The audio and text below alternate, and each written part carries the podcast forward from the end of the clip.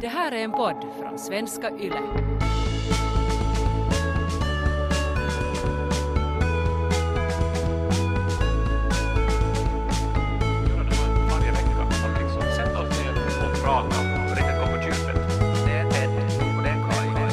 Välkomna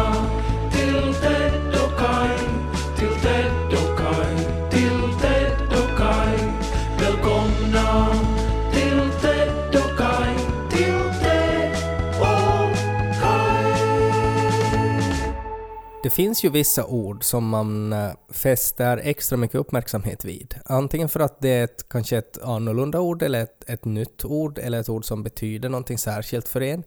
Men att när du en gång har upptäckt ett ord eh, så är det väldigt ofta att det här ordet um, dyker upp väldigt ofta. Eller att man har känslan av att det här ordet nästan förföljer en för att man, man reagerar extra mycket på när man hör det här ordet. Känner du till den här effekten?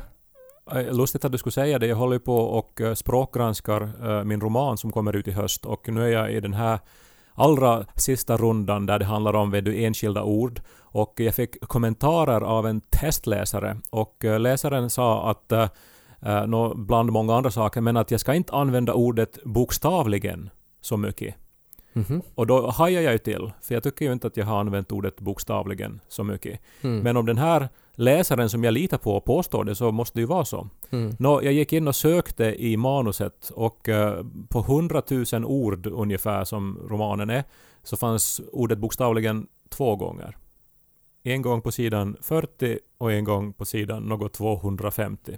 Så att den här testläsaren hade ju fel då. Ja, men kanske testläsaren på något sätt hade hakat upp sig första gången Mm. på ordet bokstavligen. Mm. Och sen på något vis så fanns det kvar som något sorts skavsår i hjärnan. Och så kom uh, hen fram då till en andra gång och så var det bara att nej men Kai, kom igen nu. Nej men jag gillar, jag gillar det där som ett, som ett skavsår i hjärnan och jag har ett ord som förföljer mig nu och det här är ett ord som jag har hört sägas på många olika sätt och nu eh, så blev jag störd på att jag inte var helt säker på att har de här människorna använt det här ordet rätt eller har de också uttalat det rätt så att jag tog reda på det.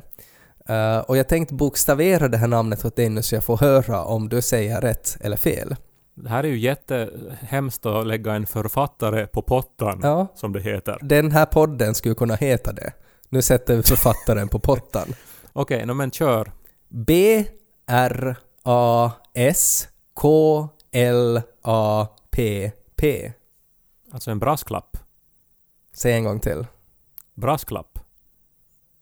Ja, du, du är godkänd Kai. Men skulle du ha sagt vad då? Nej, alltså, Brasklapp. ja, jag har hört väldigt många människor som säger brasklapp. Och jag har också trott att man ska säga brasklapp. Men vad är en brasklapp? Alltså det är det jag har funderat på och jag har på något sätt tänkt alltså när man starta upp eld, alltså att man har en sån här käpp som man liksom så här med friktion får att börja uh, brinna och så blåser man på det sådär. Så tänkte jag på något sätt att en brasklapp kanske är en variant av det, att man kanske klappar liksom så här för att det ska liksom komma på något sätt luft till brasan så att den får mera eld. Eller att på något sätt att, en, eh, uh, att att det är någonting man gör kring brasan. Men du vet väl vad brasklapp betyder? Förstås vet jag vad brasklapp betyder. Det är ett förbehåll avgivet som en försiktighetsåtgärd. Ja, men att, att lägga fram en, eller att, vad heter det, lägga in en brasklapp är ju alltså att man, man, man liksom, alltså det är som att skriva sick i en text, alltså S-I-C. Alltså att, att, man, att, man, att man är medveten om att liksom, no, det här som ni just märkte. Så här, alltså det är ju det. Är inte sick, skriver man inte alltså att när ett ord är felstavat med flit? Ja, alltså om man till exempel citerar en annan människa och så har den människan sagt något helt dumt så Mm. vill man visa då den som läser ens citat att man nog är medveten om att det är dumt men att det var liksom den där andra människan som, som sa Mm. det där dumma eller alltså skrev fel. Men känner du till bakgrundshistorien till ordet brasklapp? Nej, no, det, det vet jag inte. Nå? Det kommer från biskopen i Linköping. Vet du vad han hette? No, nej. Han hette Hans Brask. Okej. Och han skrev en lapp. Och det är därför det heter brasklapp. Alltså det här har att göra med att de skulle straffa en annan ärkebiskop som hette Gustav Trolle, vilket är på något sätt roligt att det har funnits en ärkebiskop som har liksom trollat de andra och han heter Gustav Trolle. Eh, han hade byggt en fästning Eh, och eh, de, det var inte okej att ärkebiskopen skulle ha en fästning. Och det här var på något sätt, det här ledde typ till Stockholms blodbad eller någonting. Men oberoende så, eh, de skulle ta ett beslut eh, att, att, kring den här fästningen. Och Hans Brask, så han tyckte inte att det här beslutet var korrekt, så han skrev en lapp och på lappen så stod det ”Till denna besegling är jag nödd och tvungen”. Så att, att han liksom, han, han röstade men skrev liksom att han är nödd och tvungen, att han är egentligen emot det här men han, han måste ändå rösta för att han är nödd och tvungen. Uh, och, uh, och så sägs det då, alltså några år senare då när det var en rättegång i samband med Stockholms blodbad, så klarade sig biskopen Hans Brask för att han kunde plocka fram den här lappen där han hade skrivit att han var emot det här. Jag bara slås av, alltså för det är ju så få som intresserar sig för biskopsval nu för tiden och det har ju helt enkelt att göra med att vi inte har blodbad och fästningar längre. Alltså att om liksom biskopens handlingar skulle ännu idag kunna leda till Stockholms blodbad, mm. så då, då, då, skulle ju alla vara väldigt, så här väldigt intresserade av valet mm. och så här. Men uh, vad fint, alltså jag, jag, jag tycker ju också det här att uh, alltså när man tar sig an ett ansvar så ibland så måste man ju göra saker som går en emot bara för att uh, vissa saker följer med ansvaret. Men att då, då kunna då ändå visa att ja, nu gör jag som jag måste göra, men innerst inne tycker jag att det här uh, borde göras på ett annat sätt. Det är ja. någonting att respektera ändå. Exakt, och då är det just ett förbehåll avgivet som en försiktighetsåtgärd. Att, att liksom att, att här är nu en liten brasklapp och säg inte något mera, alla som använder ordet, säg inte mera brasklapp. Nej men det är ingen som har gjort det Ted, utom du. Så att eh, det här var på, på det sättet intressant etymologisk historia här, men uh, det var ju ett problem som ingen hade, det här uttalsproblemet. Jag tror ju nog att, att det är många som har använt det här ordet fel. Så jag säger det här nu bara som en liten sån här brasklapp då, att använd nu ord sådär att ni vet vad de är. Skulle det kunna finnas någon sorts Forström-lapp att man på något vis eh, utgår från att alla andra har samma problem som man själv har, fast man är den enda som har det. Men sen borde det också finnas en sån här otydlighet i hur man ska uttala det. Att är det en Forströmlapp eller en Forströmlapp. Boen Bormo som talar sitt så popna popcorn så vi pop nu denna popcorn så vi lys på Ted och Kai. Jag har eh, ganska mycket tid just nu. Mycket mer än vanligt. Det har ju att göra med corona, det finns inte så mycket att göra av de saker jag vanligen gör. Sen också är jag i ett sånt skede med arbetet att eh, det nu blir mer tid över än vad det brukar vara. Så har jag inte haft lust att göra vissa saker som jag vanligen gör. Jag har inte läst jättemycket den senaste veckan till exempel. Jag har, jag har inte varit ute och, och sprungit. Eh, jag vet inte, jag, jag bara som har på något vis satt mig ner och tänkt mycket. Och problemet är ju att eh, Niko har ju ett jobb och är ju eh, väldigt social och upptagen med jobbet och speciellt nu. Han ska ge betyg till elever och så här och det är jättemycket extra jobb. Och, och, och han har ju då inte tid att lyssna på mina tankar. Uh, då när jag äntligen möter en annan människa då, som ju är han, och vill dela med mig av dem. Nu vet jag inte hur du ser på det här nu då, men jag har en massa tankar Ted nu som jag skulle vilja få gensvar för. Ja, alltså att det här är på något sätt det här som Nico inte har orkat ta itu med. Så på något sätt måste jag nu då. Måste få, alltså tänk nu ändå att jag är ju ändå din närmaste vän och dessutom en, en författare och allting och, och nu har jag tänkt nya tankar. Mm. Så att det är väl ett Alltså vissa skulle väl se det som ett privilegium nog att få lyssna till sånt. Det är ett stort privilegium. Ja. Nej, men eh, alltså jag, jag har tänkt otroligt mycket i, i veckan. Till exempel, varför har evolutionen inte gjort så att grisar smakar illa? Det är ju helt jättedumt. Alltså man tänker ändå alla möjliga mekanismer som naturen har på något vis gett till, till, till olika arter för att de ska kunna försvara sig. Nej, men det, det finns ju ett jätteenkelt svar på det där. Grisarna är fortfarande inte medvetna om att vi äter upp dem. Nej men äh, her, herregud, de, de, de är väl medvetna om alla fiender? Alltså det är väl det som evolutionen går ut på, att man ska utrusta sig mot sina fiender. De fattar ingenting. De lever helt vanliga, fina, komfortabla liv. De får mat regelbundet. De har små garage dit de kan gå in undan regnet. De får skaffa griskultingar och allt är frid och fröjd. Tills de plötsligt får en bult i pannan och så äter vi upp dem. Så att de, de är inte medvetna om det. Skulle, skulle det vara så att vi fortfarande skulle jaga dem med stenar och käppar, då kan det hända att eh, i något skede skulle de börja smaka illa, men antagligen före det så skulle de ju nog ha blivit större och hårigare och fått vassare tänder och sådär och kanske blivit farligare. Men inte är det väl så där heller att man måste vara medveten om det hela. Jag tänker inte är väl en kaktus medveten om att det finns fiender som vill komma åt dess vatten. Nej men man måste vara medveten om vilken miljö man befinner sig i och grisarna förstår ju inte att de är i fara hela tiden. Men det är ju som inte ett med, alltså e- evolutionen styrs ju inte av, av or, or, organismens medvetna val utan av mutationer och... Ja, men, men det finns ju, alltså miljön spelar ju nog roll där. Alltså att om grisarna hela tiden skulle vara vettskrämda och nervösa för att vi jagar dem med käppar eh, så skulle ju evolutionen på något sätt reagera på stresshormonerna som grisarna konstant utsöndrar. Men nu utsöndrar de inte. Så då finns det, evolutionen är bara sådär att okej, okay, men tydligen var vi ganska perfekta nu då. Så vi bara chillar nu och fortsätter så här. Är grisen då när den går omkring liksom i naturen och så ser den liksom ärtor och plommonträd.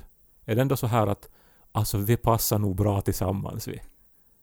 Alltså vet den att den smakar bra tillsammans med ärtor och plommon? På julbordet? Jag tror inte att organismer i allmänhet är medvetna om hur de smakar. Okej, okay, men nu tar vi... Det här var nu bara en av tusentals tankar och vi har ja. ju inte hur mycket tid som helst. Nej. Men, men har, har du tänkt på Ted, alltså att det är ju inte du som har en kropp utan det är ju din kropp som har ett medvetande.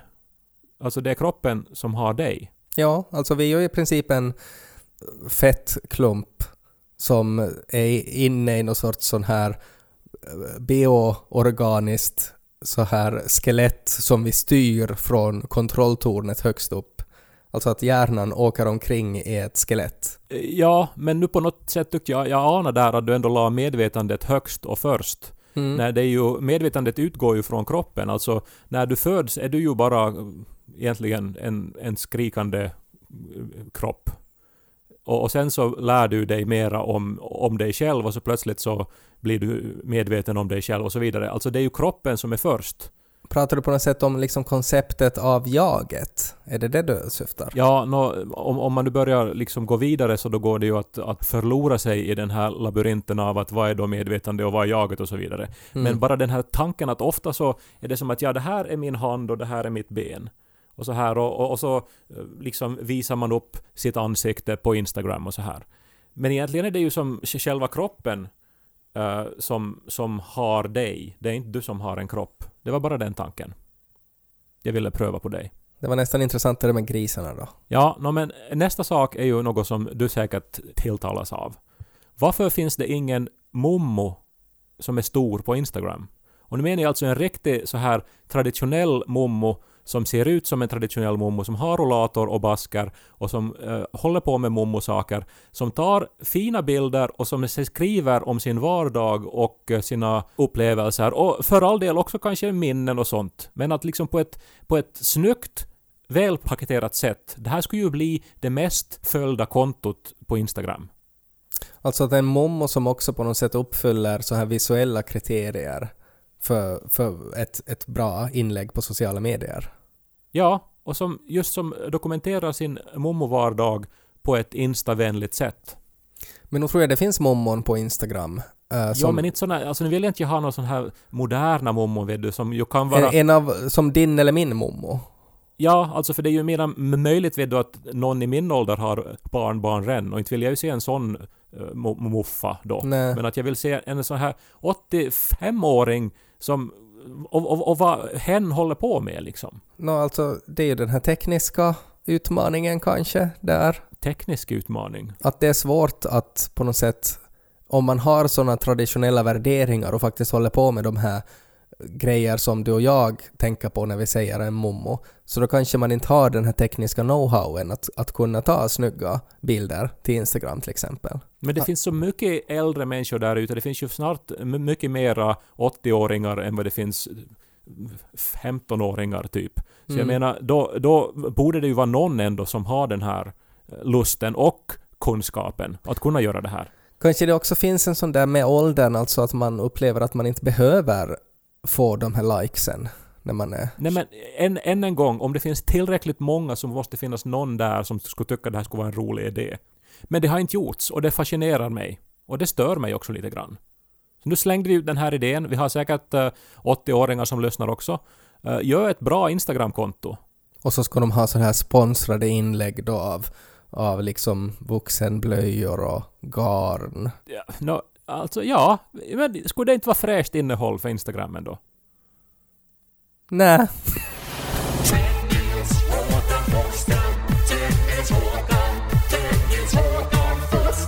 Dit får du har tryckt in en jingle och jag hade ju ännu det bästa kvar. Du är så otroligt på något vis otålig med Nej, fingret på jingle-knappen. du hade tre tankar, av dem var ungefär en och en halv intressanta. Egentligen största delen av den här veckan som gått har jag suttit och tittat på YouTube-videon som handlar om dubbelspaltexperimentet. Och det här är ju inte nytt för mig. Jag har varit medveten om det här tror jag i 20 år och varit som nyfiken på allt vad det innebär. Men nu har jag haft en sån här renässans. Ungefär som att man ibland bara får en sån här stark lust att lyssna på ett uh, band som man har varit trött på ett tag och så lyssnar man en period. Så nu har jag haft en dubbelspalt experimentperiod. Ja, vad, vad, vad betyder det då? Nå, dubbelspaltexperimentet är ju det mest intressanta som har, har, alltså det mest intressanta experimentet som har gjorts inom fysiken. Mm. Kan vi säga så? Ja, jag tycker nog att det var, alltså de som först satte Choco på chips upplever jag ändå nog var i någon sorts gränsfall i spänning också. Ständigt eh, ovillig att ta saker på allvar. Där har vi Ted Forsström i ett nötskal. Eh, dubbelspaltexperimentet visar ju att eh, världen inte alls ser ut så som vi tror att den ser ut. Mhm. Men du, du som läser Skiffy måste ju ha läst om The Double Slit Experiment. Nej, jag, har, jag, alltså jag trodde det här hade någonting att göra med hur man ska formatera texten. Vad ska man ha dubbelspalter i, eller i en spalt? Nå, jag, jag ska inte i, i djupet gå in på det här, för det klarar jag inte av. Men i princip, det här experimentet bevisar ju alltså att ljuset beter sig samtidigt både som en vågrörelse och som en partikel. Det går ut på att man har en ljusstråle och den skjuter man mot en vägg, men så sätter man framför ljusstrålen ett papper med två hål. Och så ser man vilket mönster som uppstår på väggen bakom det här pappret. Det beror ju på hur man har klippt ut de där hålen där. Att har man klippt ut en kanin så då blir det ju en kanin. Ja, nå, alltså det är ju väldigt små hål det här nu så att det bara kan passera väldigt liksom, väldigt små mängder ljus i dem. Jag tror nog forskarna skulle kunna klippa ut en ganska liten kanin. Men det intressanta, eh, alltså det här är ju in, in, intressant i sig också, det visar alltså att ljuset då både är en, en vågrörelse och en partikel. Men det intressanta är ju när man börjar skjuta materia genom de här hålen. Att forskarna börjar liksom försöka pricka saker in i de där hålen. Det är som i Lilla Sportspegeln, vet du, Ja. när man får, man får tennisbollar och så ska Mm. man slänga i de där hålen Mm. och försöka få ryggsäcken och Ja. cykeln. Ja. Och, eh, men i alla fall, när man då skjuter elektroner, alltså du vet vad elektroner är, små, små partiklar Mm. eh, som finns i atomen. När man skjuter dem genom de här två hålen, så vet du vad experimentet visar? Hole in one. Ja, det, det visar att eh, också elektronen eh, både uppvisar partikelegenskaper och vågrörelseegenskaper. Om du skjuter en elektron genom de här två hålen, vilket hål far elektronen genom? Experimentet visar att elektronen far genom båda två samtidigt. Alltså att en elektron får genom två hål samtidigt. Ja, precis. Och eh, det blir sjukare än så. För att eh, det här är ju oacceptabelt. Ingenting kan ju fara genom två hål samtidigt. Det finns nog säkert någon porrkärna som skulle säga challenge accepted här. Jag, jag skulle också säga att vi ska inte underskatta bögarna efter ett och ett halvt år av coronapandemi här. men, men det här... eh, men om man sätter en mätare då för att ta reda på vilket hål den här elektronen far igenom. Mm. Så då slutar elektronen att fara genom två hål. Då far det bara genom ett hål. Om någon tittar, så då beter sig elektronen som en partikel. Men om någon inte tittar så beter den sig som en vågrörelse. Så det är nästan som att man ibland kan ha svårt att kissa om någon kommer bredvid en. Alltså, ja, och, och, om, om du är medveten om att någon tittar så då kommer Ja. din stråle att se annorlunda ut. Ja, Det är, det är inte alls en dålig jämförelse. nej, att är jag själv på urinoaren så då är det inga problem. Då kan jag kissa genom vilket håll som helst. Men om det kommer en farbror och ställer sig bredvid en och säger ”Jag har nog morgens”. så då kanske strålen, eller strålen påverkas av det då. Ja, alltså det, det här är faktiskt en, en, en väldigt klockren jämförelse. För alltså det, det handlar om observation och hur Mm. det påverkar eh, utfallet. Mm. Men är det inte liksom en fantastisk upptäckt? Alltså att materia också, alltså den, den materia som vi all, alla är uppbyggda av, som allting består av. Så om ingen tittar på det så beter det sig på ett annat sätt. Men det här är ju nog ett typiskt exempel på av att vi inte fattar vad som händer. Ja, ja, ja, exakt, exakt. Det, är ju Mm. precis det. Och ändå så, så läser man inte dagligen om det här experimentet. Ja, men för att det är någonting så här att, att när det liksom slutar existera så då far det liksom till en annan dimension eller någonting. Och det är därför vi inte ser det. Men det är nog liksom Ja. helt logiskt att det gör det. Men att det här, det här är liksom vetenskap, alltså det här går att göra, alltså man behöver inte ens ett laboratorium egentligen för att göra det här med ljus i alla fall, man kan göra det här hemma. Man behöver bara en vässa, eh, en sax som man kan klippa ut en kanin eh, och så måste du dricka ett glas vatten först. Nå, Men det sjukaste med det här experimentet eh, är ju då att om man sätter den här mätaren efter de här två hålen, alltså så att nu skjuter man då en elektron genom de här två hålen och vill ha reda på genom vilket hål det for. Mm. Så om man sätter mätaren på andra sidan, så att elektronen ju redan har farit igenom något dera av hålen, så är resultatet likadant. Det betyder att om man observerar det efter att det har hänt, så förändras dåtiden. Så man skulle kunna gå tillbaks i tiden och hindra en från att bli kissnödig. Ja, nu drar du den där metaforen lite för långt. Men det som det här experimentet säger är ju då alltså att tid och rum eh, och materia beter sig väldigt annorlunda än vad vi eh, är vana vid att, att de beter sig när man går ner på mikroskopiska nivåer. Men min tanke i veckan var egentligen att, att så här är det inför sommaren också. Att eh, innan sommaren har hänt, innan man har observerat den, så, så är den ju som bäst. För då är den allting. Då är den, då är den alla möjligheter öppna.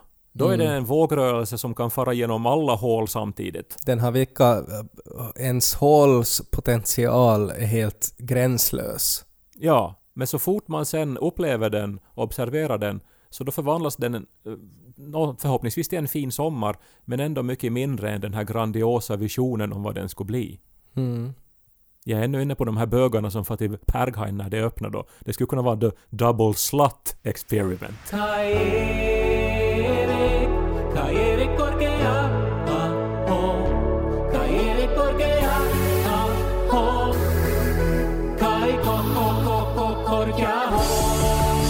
Eventuellt borde jag då ha lagt in en brasklapp innan jag började räkna upp mina tankar från eh, den senaste veckan här nu. Att de var kanske inte så meningsfulla för andra som de har varit för mig. Jag förstår ju på ett sätt nog kanske varför Niko inte alltid orkar. Alltså att om han sitter och funderar på betyg och sådär och läser prov och så kommer du in och med en ficklampa och ett papper och behöver Nikos uppmärksamhet i 45 minuter för att förklara om elektroner. Så då förstår jag ju nog att han kanske inte alltid orkar. Och sen när jag börjar säga då att ja men det är ju det här precis som jag menar med experimentet att när man får uppmärksamhet så beter man sig på ett annorlunda sätt. Då beter man sig mer begripligt. Och för, eftersom Niko inte har iakttagit dig så därför blir du crazy tills du får uppmärksamhet igen. Inte en helt eh, bristfällig metafor, nej. Sen så har ju Lego nu då för första gången släppt en Pride Lego-byggsats. inför Och- Pride-månaden som ju börjar nu snart. Oj, vad är det för byggsats? En regnbåge? Ja, eh, alltså det är olika legogubbar i olika färger, i alla regnbågens färger, plus eh, några till.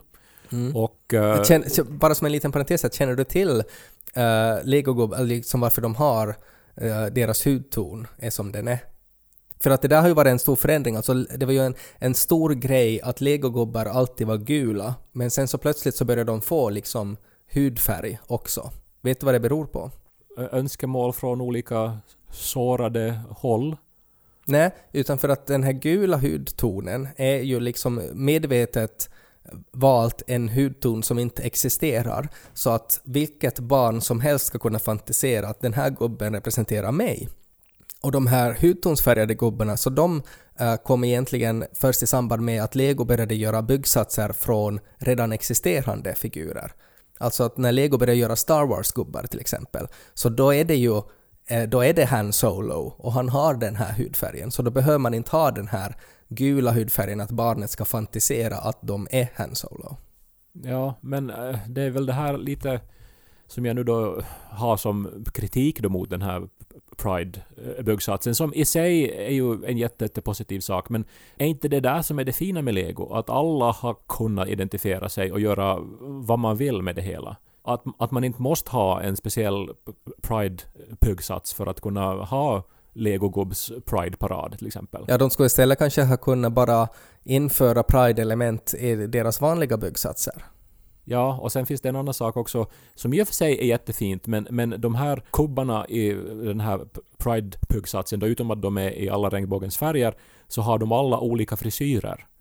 Och på något sätt det där också att, så hur ska vi då uttrycka queer-identitet eh, och eh, liksom pride-känsla? Nå, förstås, alla som är queer har ju spektakulära frisyrer. Då måste vi ge det till de här gubbarna också. Mm. Ja men det där tycker jag är en, en väldigt giltig kritik. Alltså det finns ju supertråkiga queera människor också. Ja, verkligen. Se nu på alla antikvariathandlare. Ja, nej men eh, det är väl kanske också pinkwashing då på något sätt. Som, som jag nog förstår att man kritiserar. Samtidigt så är jag så här att ja men nu är det ju fint med regnbågens färger överallt. Att, eh, att även om då stora företag tjänar pengar på det så i grunden så gör det ju ändå en lite kanske gladare och, och så här all synlighet är bra synlighet och så vidare. Men eh, jag är nu, alltså, jag, jag tror att lösningen finns i dubbelspaltexperimentet också här. Att just för att lego är som bäst när det får vara en vågrörelse. När det kan vara vad som helst. Om vi då börjar liksom bestämma att nu är den här legogubben gay, så då har man ju tagit bort det fina med lego. Att samma sak kan vara precis vad som helst, vad man än väljer att det ska vara. Samtidigt som representation är också viktig. Finns det legogubbar som är gay och stammar då? Legogubbar har ju oftast så att de har två ansikten, att de har ett på framsidan och sen kan man svänga huvudet och så har de en annan min på baksidan som döljs när man sätter ett hår på. Så att man skulle kunna ha då liksom en helt normal min och så när man svänger på huvudet så skulle det vara liksom förvrängt i en så här liksom blundar med ena ögat och det sprutar blod och spott och sådär och då är det sådär att nu stammar han. Eller ska man kunna uttrycka det indirekt då? Det finns nog säkert någon sån här Lego podcast inspelningsstudio. Och sen finns det då den som måste klippa podden eh, när någon som stammar har pratat i en timme. Så Och en, den människans härjade, härjade ansiktsuttryck. att det skulle bara vara en liksom en en legobyggsats som skulle heta stamningsinspelning och så är det liksom en helt vanlig legogubbe framför en mikrofon och så är det liksom då en legotekniker som ser ut som att han vill begå självmord bredvid. Då skulle jag känna mig sedd.